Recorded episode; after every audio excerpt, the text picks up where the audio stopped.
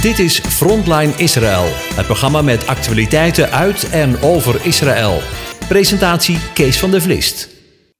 Ja, hartelijk welkom eh, beste luisteraars bij eh, Frontline Israël op eh, 8 oktober. En eh, hartelijk welkom weer met eh, Karen en Jair Strijken in Naale, Israël. Shalom. Hallo. Dag allemaal. Shalom, goedemorgen.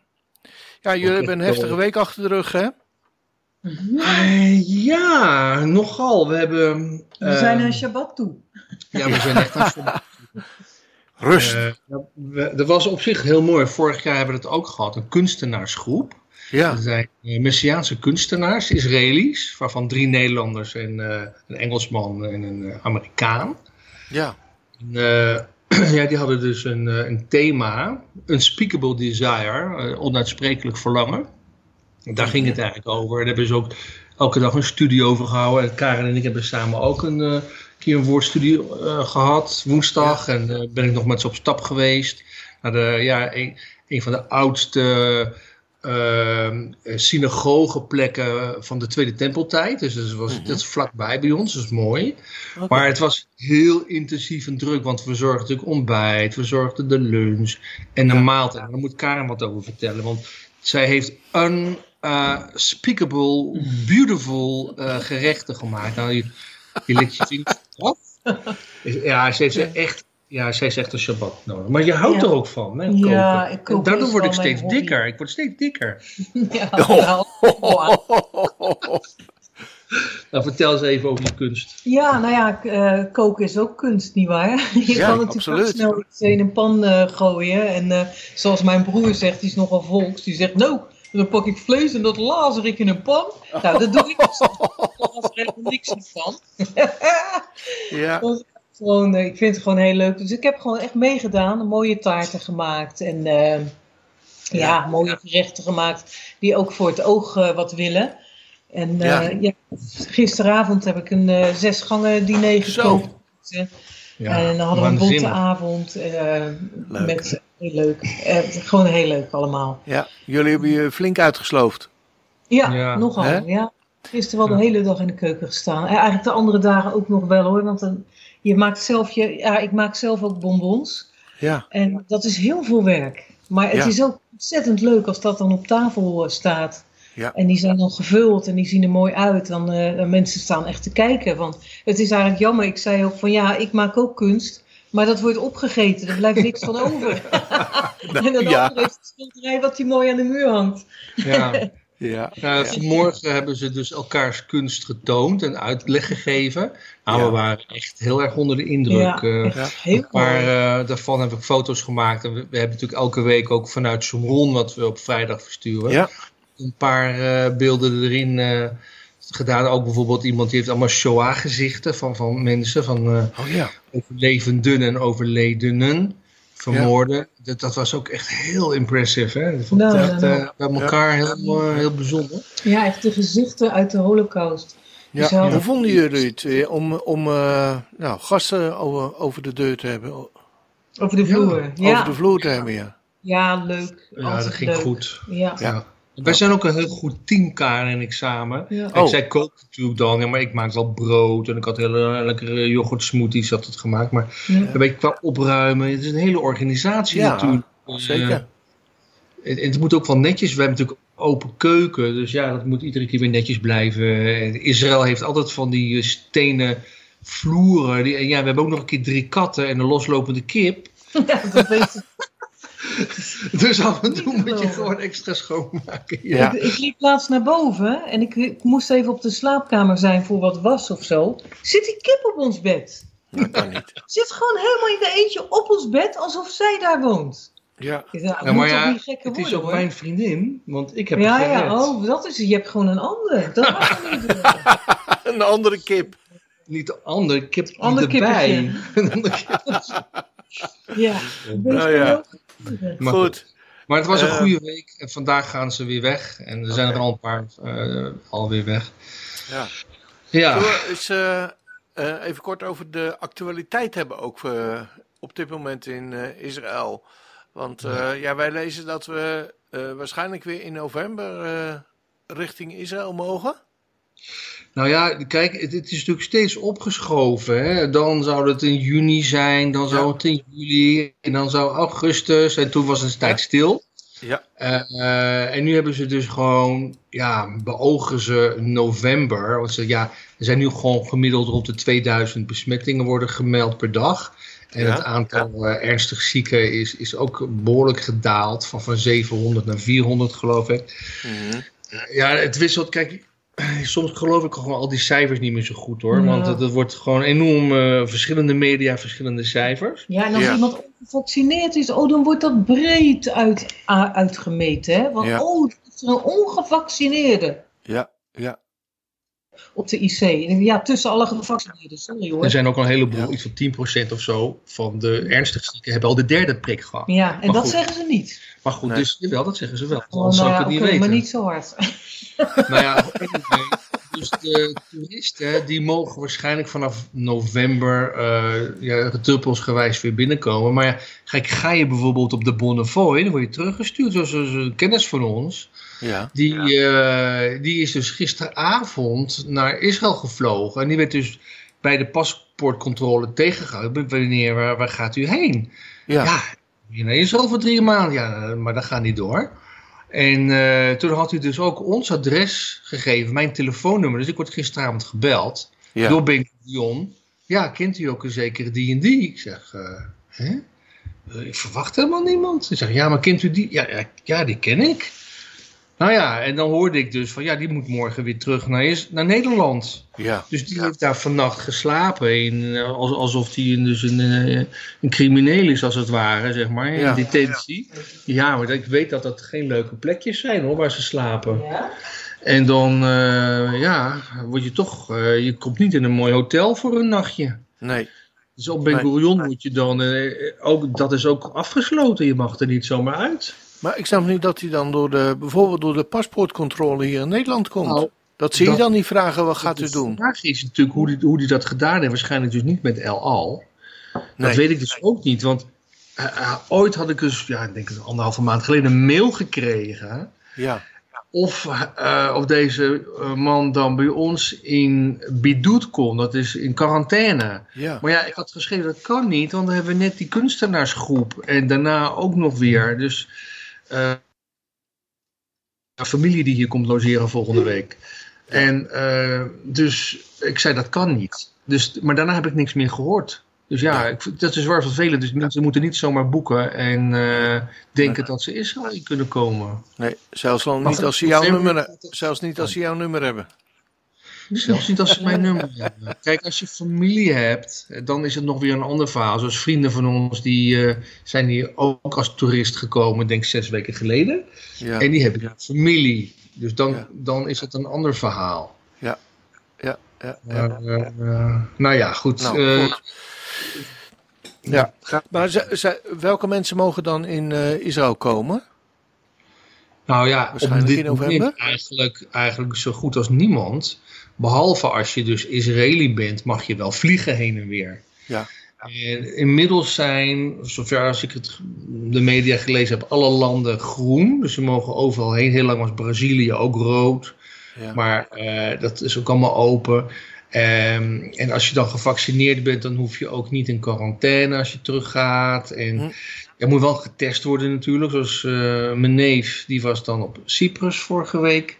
Is Ja. gisteren ook teruggekomen en die moet dan wel... Die zit overigens niet gevaccineerd, dus als Israëli. En die moet dan wel een week in, in eh, quarantaine. En daarom komt mijn nichtje dus bij ons logeren. Ja. Dus ehm, even denken hoor. Ehm, dat betekent niet dat jullie weer kunnen gaan beginnen met eh, reizen organiseren. Nou, dat kan wel, maar dan, dan moeten we toch nog even wachten tot november en hoe Ja. de situatie dan is. Kijk, het, het is een situatie waar niemand gewoon echt gewoon grip op heeft. Want je weet niet, Nee. komt er nou weer een vijfde golf? Hè? Ze zien Ja. nu dat die vierde golf een beetje eh, af, afneemt. Ja, Maar, Maar het komt, wordt weer najaar. Ja, je weet niet. is ook Weet zo. komen of dan november weer een, een stijging is. Ik heb begrepen dat in Nederland juist weer een beetje gaat stijgen. Ja. Dus, ehm, ja, ik, ik weet het niet. Het is, eh, Uh, ik, ik zou wachten nog. zeg nog geen, geen plannen maken. Zelf zou ik Ja. dolgraag even naar Nederland willen en mijn moeder bezoeken. Die wordt eh, volgende week 95. Ja, Uh, gelukkig is ze iets aangekomen. Het vrouwtje woog maar 35 kilo, nu geloof ik Oh. 37. Dus ze is wat toegenomen. oh, Ze is wel heel sterk hoor, maar nou, ja. ja, Dus ik zou haar heel graag, toen ik in december in Nederland was, toen dacht ik nou, ik zie haar niet meer. Ja, ik ook een beetje hoop. Dus ja, ik, eh, Ja, ja. ik moet maar even kijken. Ja. Of dat nog... ja. Ehm, iets anders wat ik las is dat er een, eh, een rechter, dacht ik, of een hoogrechtsop in, eh, in Israël, die had besloten dat de, de, de Joden wel op, op de Tempelberg mogen bidden. Ja. en dat is natuurlijk een heel omstreden verhaal. Want daar Jordanië, die eh, sprong meteen gewoon eh, uit het vel, zeg maar. Ja, en ik denk, wel. de, de islamwereld zal dat dan ook doen. Want zij Ja. vinden dat alleen maar eh, moslims daar mogen bidden. Mhm. Overigens, wij waren daar denk ik twee maanden geleden. En, eh, of ik- ja, wij waren Ja, toch met, ik was daar inderdaad met mijn, eh, met mijn zus. Ehm, toen was, was er dus ook, ja, je moet dus gewoon dan met een, je gaat dan met een orthodox, eh, met, met, met een groepje joden ga je met z'n allen dan daarheen. Je aan alle kanten word je dan eh, eh, in de gaten gehouden, er loopt iemand voor je, achter je, naast je, noem maar op. Tja, Maar er waren daar dus toen orthodoxe joden ook, die zouden gaan trouwen. En die waren daar gewoon aan het bidden. ja, Die lieten ze ook toe. Dat ze gewoon eh, een, een, een Shema Yisrael, hè, of, Ja.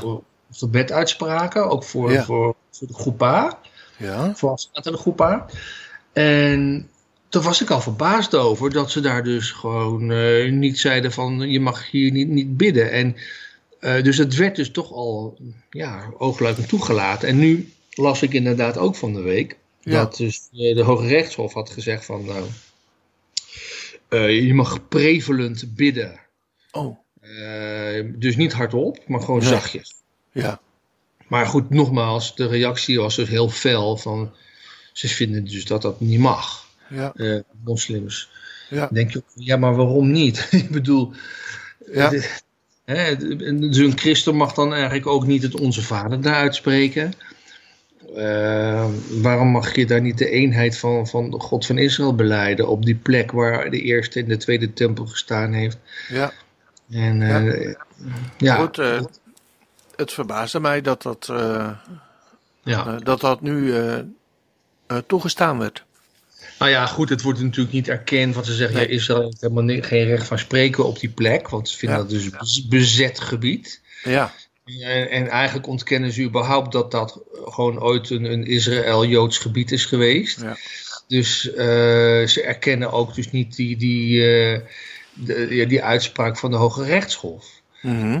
Maar eh, het feit dat Israël dus toch, hè, dus die, is een rabbijn die er elke dag komt, eh, die, heeft, die is dus een, is er gelijk gesteld dat hij daar dus mag eh, bidden. Dus ja, ja, krijgt misschien nog een staartje, maar het kan ook maar zo een aanleiding worden voor een volgende intifada of, of, of raketregen. Je weet dus niet hoe dat kan ontwikkelen. Die boosheid kan zo weer opvliegen. ja, ja, ja, ja. Nu we het toch over eh, boosheid hebben, is misschien eh, een, een- nou, even een bruggetje naar een ander onderwerp. Dat is eh, de dreiging van Iran. Ja, kijk, dit is natuurlijk al een hele oude dreiging. Ja, want de, de harde woorden die daar gesproken worden over de Zionistische entiteit, die zijn natuurlijk niet, niet prettig om te horen in Nee. Israël, Israëlische oren en Joodse oren. En eh, het gaat er allemaal om natuurlijk een vernietiging van de Zionistische staat. ja, Eh, maar ondertussen eh, bouwen zij een, een arsenaal op aan, aan, aan, wapentuig, ook kernwapens, hè, waar Israël en vooral Netanyahu ook al jarenlang voor waarschuwt. Maar de wereld die heeft gewoon waar- blijkbaar was in de oren, want die, die luisteren er amper naar.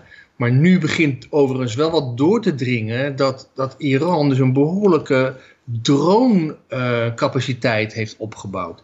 ja, En eh, ze hebben natuurlijk al meerdere keren daarmee eh, ja, iets laten zien dat wat ze kunnen. Een aanval ook op schepen.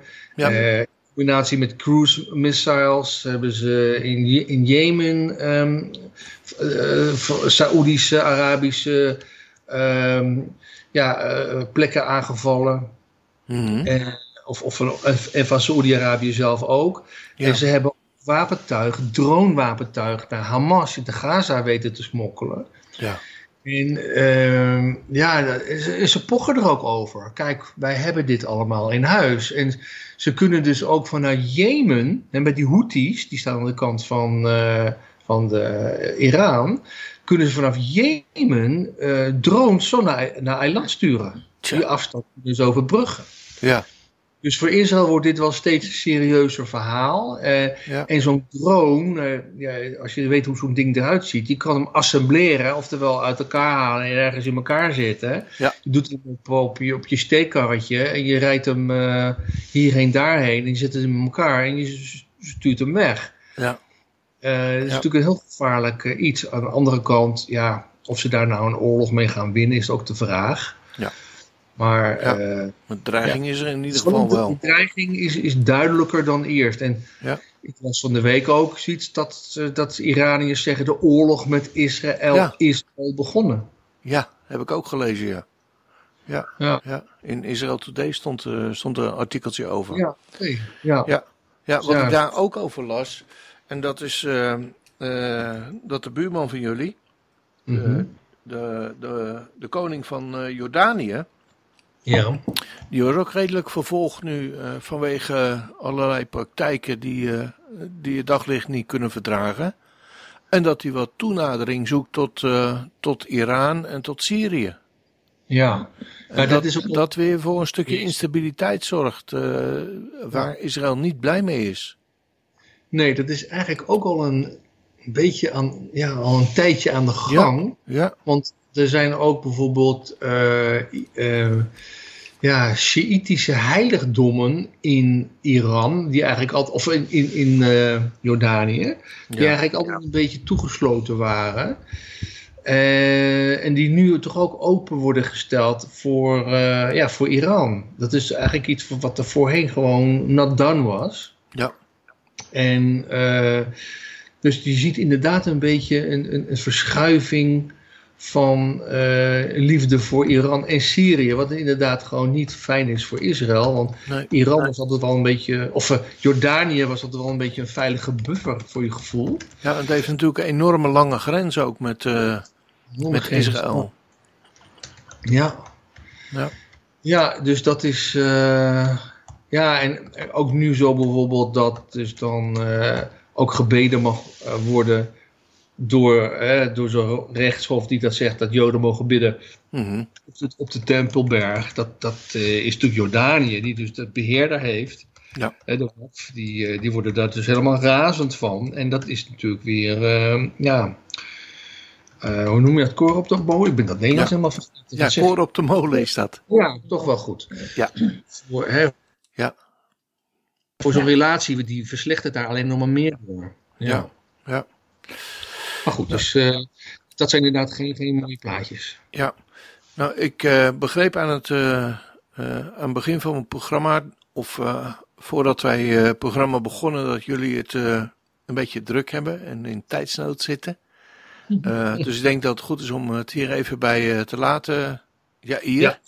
Ja. En dat we eh, verder gaan eh, naar de muziek met eh, Karen. En dat we even het programma, voor, eh, voor zover jullie dat eh, al gereed hebben.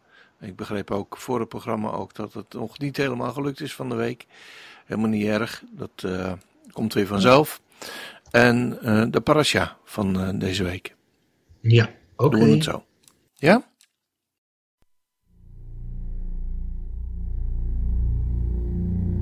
Shema Yisrael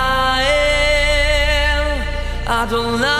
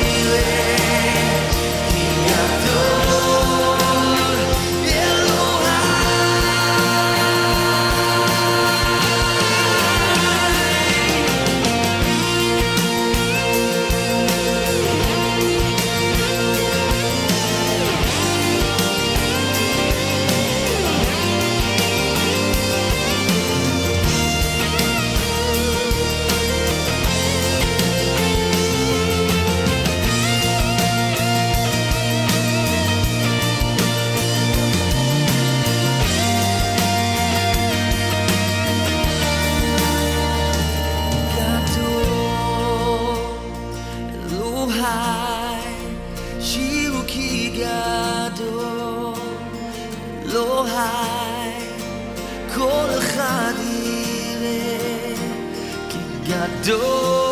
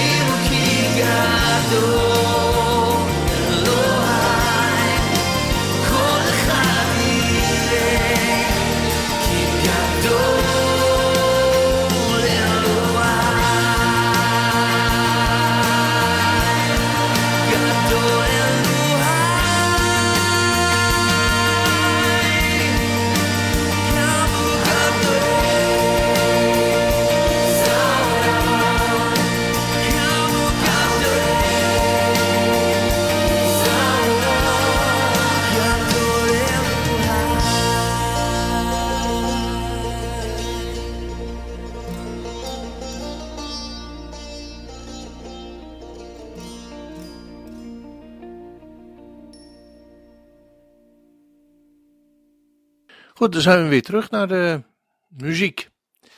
En eh, willen we met elkaar eventjes eh, het programma van eh, deze week, of eigenlijk de komende week, van Studiehuis Regie doornemen. Karen, Ja, nou, we hebben wat toch heb je wel voor weer ons klaar liggen? data voor elkaar hoor. Ondanks de rare weken die we hebben gehad. We hebben toch eens even Ah, bij de agenda gezeten. Nou, 14 oktober, Mooi. dat is al aanstaande donderdag. Dan hebben we Tour 3. Maar, daar moet ik bij zeggen, die is vol. Daar kan men niet meer bij. Maar het is een herinnering voor de mensen die daarop ingeschreven hebben. Dan is die eh, Tour dus. Volgende, of aanstaande donderdag. Het tour, aanstaande dat is dus de Tour naar het noorden. Ja, hartstikke Ja. leuk. Ja. We zijn druk bezig ermee en eh, laatste hand eraan aan het leggen. Ja, iedereen met name die doet dat. En eh, hartstikke leuk. Dus, eh, maar voor de mensen die zeggen, oh, daar had ik bij gewild en ik was het vergeten of wat dan ook. 28 oktober gaan we hem herhalen. Dus voor die datum kan men nog inschrijven. De tijd waarop we beginnen is altijd half acht Nederlandse tijd. En ehm, stuur ons even een mailtje. En dan zetten we u voor 28 oktober er nog op. Nou, en dan hebben we 24 oktober ook. Laat me even kijken of ik dat goed zeg. Dat is dus nog iets eerder. Of zaten we op 24 november? Laat me even kijken hoor. Ja, 24 november hebben we weer een introductie ALEF cursus. Daar gaan we weer overnieuw starten. We hebben nu Mooi. eh, nog waarbij een, eh, een gemeente zit ook in Texel, de Thessalonicensen noem ik ze. en eh, een aantal mensen die daar ook via Zoom aanhangen. En ja, het wordt gewoon zo, mensen zijn er zo blij mee. Ze zeggen, oh wat is dit Ja. toch mooi. En eh, ja, het doet ons ook Ja. goed. Want het is ook mooi, het Hebreeuws is prachtig. Nou, Zeker. 28 november hebben we het webinar Chanukka alweer. Dan gaan we alweer naar, de, naar het winterfeest toe. Dus 28 november is dat. En dan 9 december herhalen we de tour naar Jeruzalem. Waarbij ook Oh, ja. interview met Mark en Henny de Klein. En dat is echt Ja. leuk. Dus Ja. dan ook weer, als mensen dat gemist hebben of zeggen: Oh, ik, ik mis Israël en ik wil er gewoon nog eens een keer in. eh, stuur Mhm. ons gewoon even een mailtje en dan eh, zorgen we dat u erbij komt te staan. Dat Super. is het even voor nu. Ja, ik heb nog één vraag erover. Want las ik nou in jullie nieuwsbrief eh, dat het ook mogelijk is om eh, privé een, eh een, een ALEF-cursus te volgen? Nou, een ALF-cursus, dat gaat eigenlijk meer om een beetje modern Hebreeuws. Om, of om. Engels Hebreeuws, om het gewoon echt te gaan beoefenen. We hebben Ja, op het moment inderdaad één mevrouw die dat doet. En Ja. die is ook echt wel wat gevorderd. En eh, die doet het heel erg goed. Het is echt plezier om eh, met haar eh, dus de Bijbel door te gaan. En de- dan maakt ze de huiswerk ook goed. En ze, ze weet wat ze doet. Dat is heel leuk. En Ja. ja. ze is gewoon heel blij met de begeleiding die we dan geven. Jij hier doet Ja. dat voornamelijk. En eh, Mhm. ja, dat gaat goed. dus dat oké. En lees je dan, eh, leer je dan Bijbels eh Ja. Hebreeuws? Ja, ja, dat is eigenlijk een beetje als een vervolg op de ALEF-cursus. Als mensen zeggen van ja, ik kom er toch in mijn eentje niet zo heel goed uit. Help me eens even, Ja. geef me eens handvatten. Dan kunnen we Ja. dat doen. Oké. Nou, is goed om te weten in ieder geval. Ja? Zeker met de wintermaanden voor de, voor de deur. ja, Dan eh, als mensen zeggen van nou, ik, heb, eh, ik wil wat, eh, wat nuttigs om handen hebben. ja, En ehm, ik zou het leuk vinden om één op één begeleid te worden daarin. ja, Want ik vind het moeilijk om dat in een groep te doen. Ja. Dan, dan is dat mogelijk, begrijp ik. ja. En Ja. dat kan zowel s'avonds als overdag. Liefst Ja, overdag oké. wat ons betreft. Dat is Ja. prettig. Of het ook op een zondag, of een zondag. Ja, maar zondag kan ook. Op een ochtend bedoel ik eigenlijk. Ja, Dan eh, kan dat ook heel vroeg. Dat is helemaal geen probleem. Ja. Het is gewoon Nou, mooi. werkdag. even een, eh, een mailtje voor alles eh, naar uh, info.studiehuisgeschied.nl en dan, dan komt het allemaal weer voor elkaar. Ja, Goed, zullen we dan doorgaan naar de parasha voor deze week? gaan we doen. Ja. Prima. En dat is parasha Noach. We lezen dan Genesis 6, vers 9 tot 11, vers 32. Uit de Haftara lezen we Jesaja 54, 1 tot 55.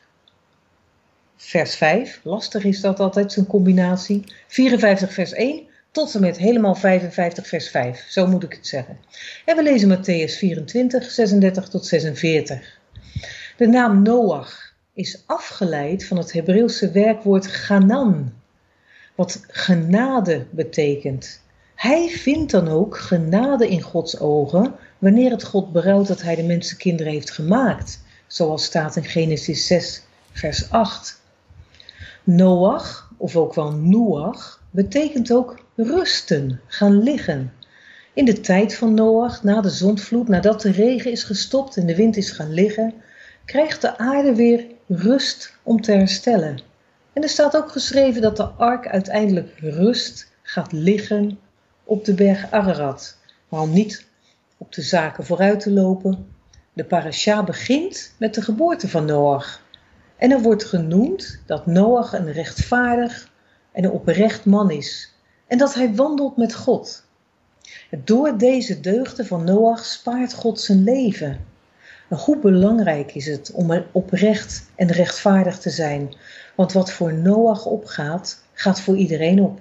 God kent immers de weg der rechtvaardigen, staat er in Psalm vers 14, 5a. En God spreekt tot Noach dat het einde van de mens is gekomen. Het woord voor einde is in het Hebreeuws het woord kets. En dat heeft woordverband met het woord kots, wat walgen betekent. Het woord kotsen klinkt in het Nederlands niet zo fijn. Het is echter wel een Hebraïsme. God walgt van het ge- geweld van de mens en hij kotst ze uit. Zie ook het woordverband met Openbaring 13, vers 16, waar God precies datzelfde zegt: Ik zal u uit mijn mond spuwen, kotsen. Waarom is er het einde van de mens gekomen? Wel omdat het geweld van de mens de aarde geheel heeft vervuld. Het woord voor, is, voor geweld is Hamas. En jawel, dat is hetzelfde woord dat de terreurorganisatie in Gaza in onze tijd ook voor zichzelf gebruikt. Wat een brutaliteit wel beschouwd. Maak u een ark van goferhout, spreekt God tegen Noach. Goferhout is verlijmd cipressenhout. En dan staat er dat de ark ingedeeld moet worden in kamers, of ook beter gezegd vanuit het Hebreeuws in nesten, kanim in het Hebreeuws. En dit woord is afgeleid van het woord kane, wat stengel betekent. Denk dus ook aan het Engelse woord voor riet, cane. We kunnen dus eigenlijk zeggen dat Noach in de nesten zat. De ark blijkt dus gedeeltelijk gemaakt van rietstengels. In ieder geval van binnen. Maar waarschijnlijk is het ook gebruikt om de grootste kieren mee te dichten, alvorens Noach deze moet bedekken met pek, zowel van binnen als van buiten. Het Hebreeuwse woord voor pek is koper, wat weer afgeleid is van het werkwoord kafar. En dat betekent bedekken, maar ook, en dat is weer zo mooi, verzoenen.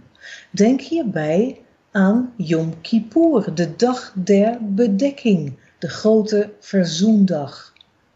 Zoals Noach de ark met pek besmeert, zodat het gevaarte blijft drijven en de opvarende in leven houdt, zo is grote verzoendag bedoeld om de zonde van de mens te bedekken met het bloed van een lam om zo ook de mens in leven te houden.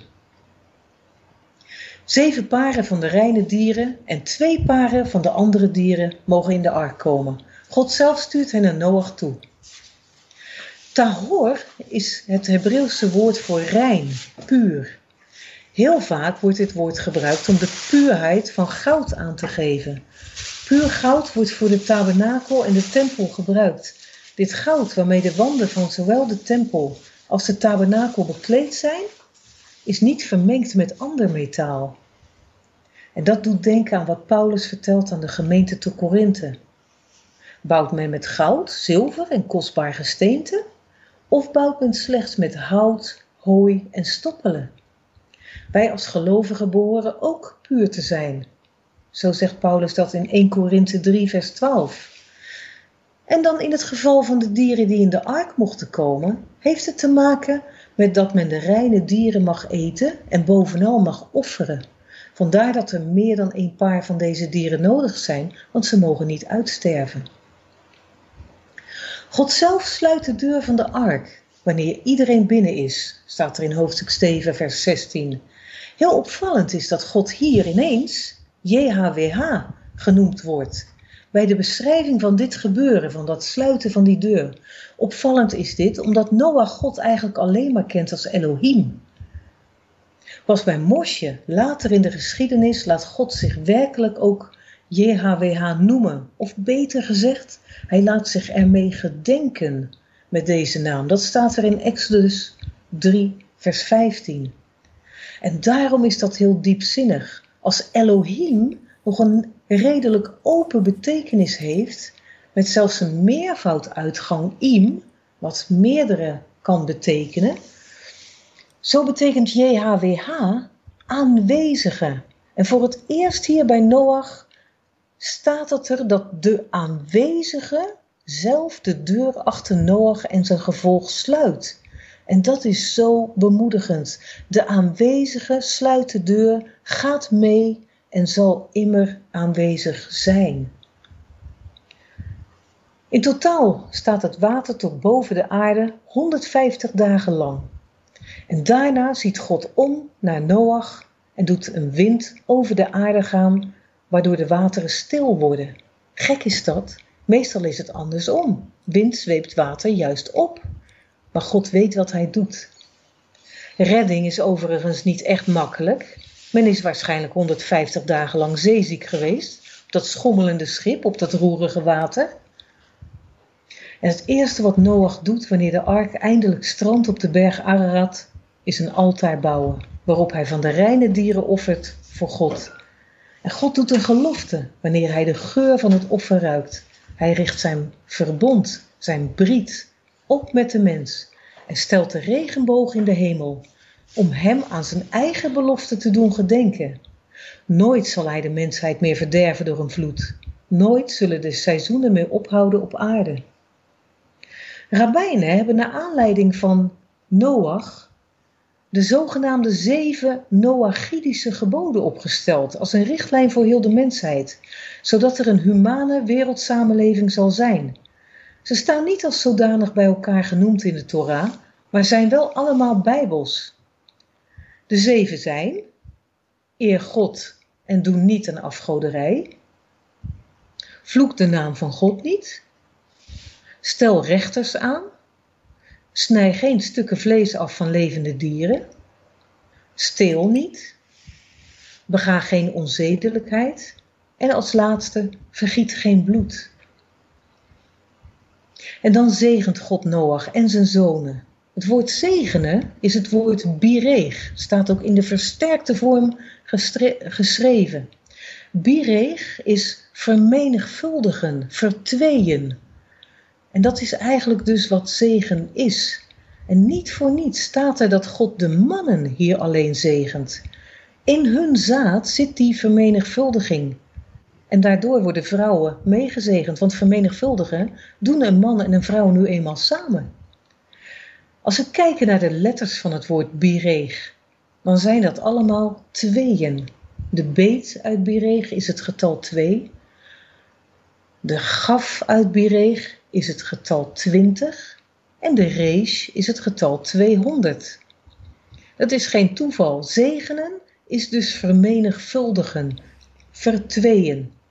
En dat zegt God dan ook hier in hoofdstuk 9, vers 1. Noach wordt daarna dronken van de wijn, van zijn gaard. Hij had net zijn druiven verbouwd en hij trekt zich in zijn dronkenschap naakt terug in zijn tent. En Gam ziet zijn vader naakt liggen en vertelt het zijn broers. Wat er daar precies gebeurt, vertelt de Bijbel niet. Noach wordt wakker nadat de twee broers een kleed over hem heen hebben gelegd. En dan merkt hij wat zijn jongste hem aangedaan heeft. Staat er in hoofdstuk 9, vers 24. Maar als Gam alleen maar zijn vader naakt had gezien, dan had Noach dit toch helemaal niet gemerkt. Er moet dus meer zijn gebeurd. In het Joodse denken gaat men ervan uit dat Gam zijn vader heeft ontmand. De vervloeking is dan ook niet mals. De zoon van Gam zal vervloekt zijn en dienen als knecht aan Sem en Jafet. Veel later in de geschiedenis zal dan ook het volk Israël het land van de Kanaanieten, de zoon van Gam, beërven. Daarna volgt de beschrijving van de stad en de bouw van de toren van Bavel. Met de reden dat het volk niet verstrooid zal worden, maar zich een naam zal maken. Het tegendeel gebeurt echter wanneer God er een stokje voor steekt, door hun taal te verwarren. Daardoor wordt het volk juist wel verstrooid. Bavel komt van het werkwoord balal, wat roeren, mengen, verwarren betekent. En in dat woord balal zit het binnenwoord, binnenwoord bal. En bal betekent niets. Door de taalverwarring snapt men er dus ook geen bal meer van. Men snapt er niets meer van. Ergens geen bal van snappen is dus een Hebraïsme. In Jezaja spreekt God troostende woorden tegen zijn volk. Hij draagt zijn volk op vrolijk te zingen en zegt hierbij dat de kinderen van de onvruchtbare meer zullen zijn dan de kinderen die daadwerkelijk geboren zijn. Het gaat om geestelijke kinderen. Hij zegt: breek uit naar rechts en naar links, en uw zaad zal de heidenen erven. En dat breek uit naar rechts en naar links. Ja, als we denken naar hoe al die dieren uit de ark zijn gekomen. Naar rechts en naar links uitbrekend. Zo blij om weer vaste grond onder de voeten te hebben. Ja, en dan dat de heidenen erven, het kleine volkje Israël, krijgt vele, vele nazaten. Zoals God al aan Abraham beloofd heeft. Uw nazaten zullen talrijk zijn als het zand aan de zee en als de sterren aan de hemel. Miljarden mensen uit alle volkeren zullen uiteindelijk Gods macht erkennen, Hem lief gaan krijgen. Wat een belofte. Nooit zal mijn vredesverbond wankelen, zegt de Almachtige God in vers 10. God waakt over zijn volk en zal dit altijd blijven doen. God heeft zijn zoon tot een getuige der volken gegeven, een vorst en een gebieder der volken. Onze toekomst is hoopvol. En dan in Matthäus spreekt Jehoshua over waakzaamheid. Niemand weet wanneer hij terug zal komen. En daar in die tijd wist hij het zelfs ook niet. Hij had immers zijn goddelijkheid afgelegd om aan de mens gelijk te worden. Hij haalt hier de tijd van Noach aan, waarin men loog en bedroog en geen idee had van de zaken Gods. Hij roept zijn discipelen en ons op om trouw te blijven aan Hem en te wachten op zijn terugkeer. Laat ons zijn woorden ter harte nemen. Shabbat shalom. Nou, Karin, eh, heel hartelijk bedankt weer voor, eh, voor eh, deze ja, wat langere studie dan, eh, dan anders. En eh, ik heb er enorm van genoten. Hartelijk dank daarvoor. Ja, het Hebreeuws is genieten. Ja, zeker. Nou, Ja. Shabbat shalom, hè? Shabbat shalom Shabbat shalom. aan iedereen. Dag hoor. Doeg! Dankjewel. Doeg.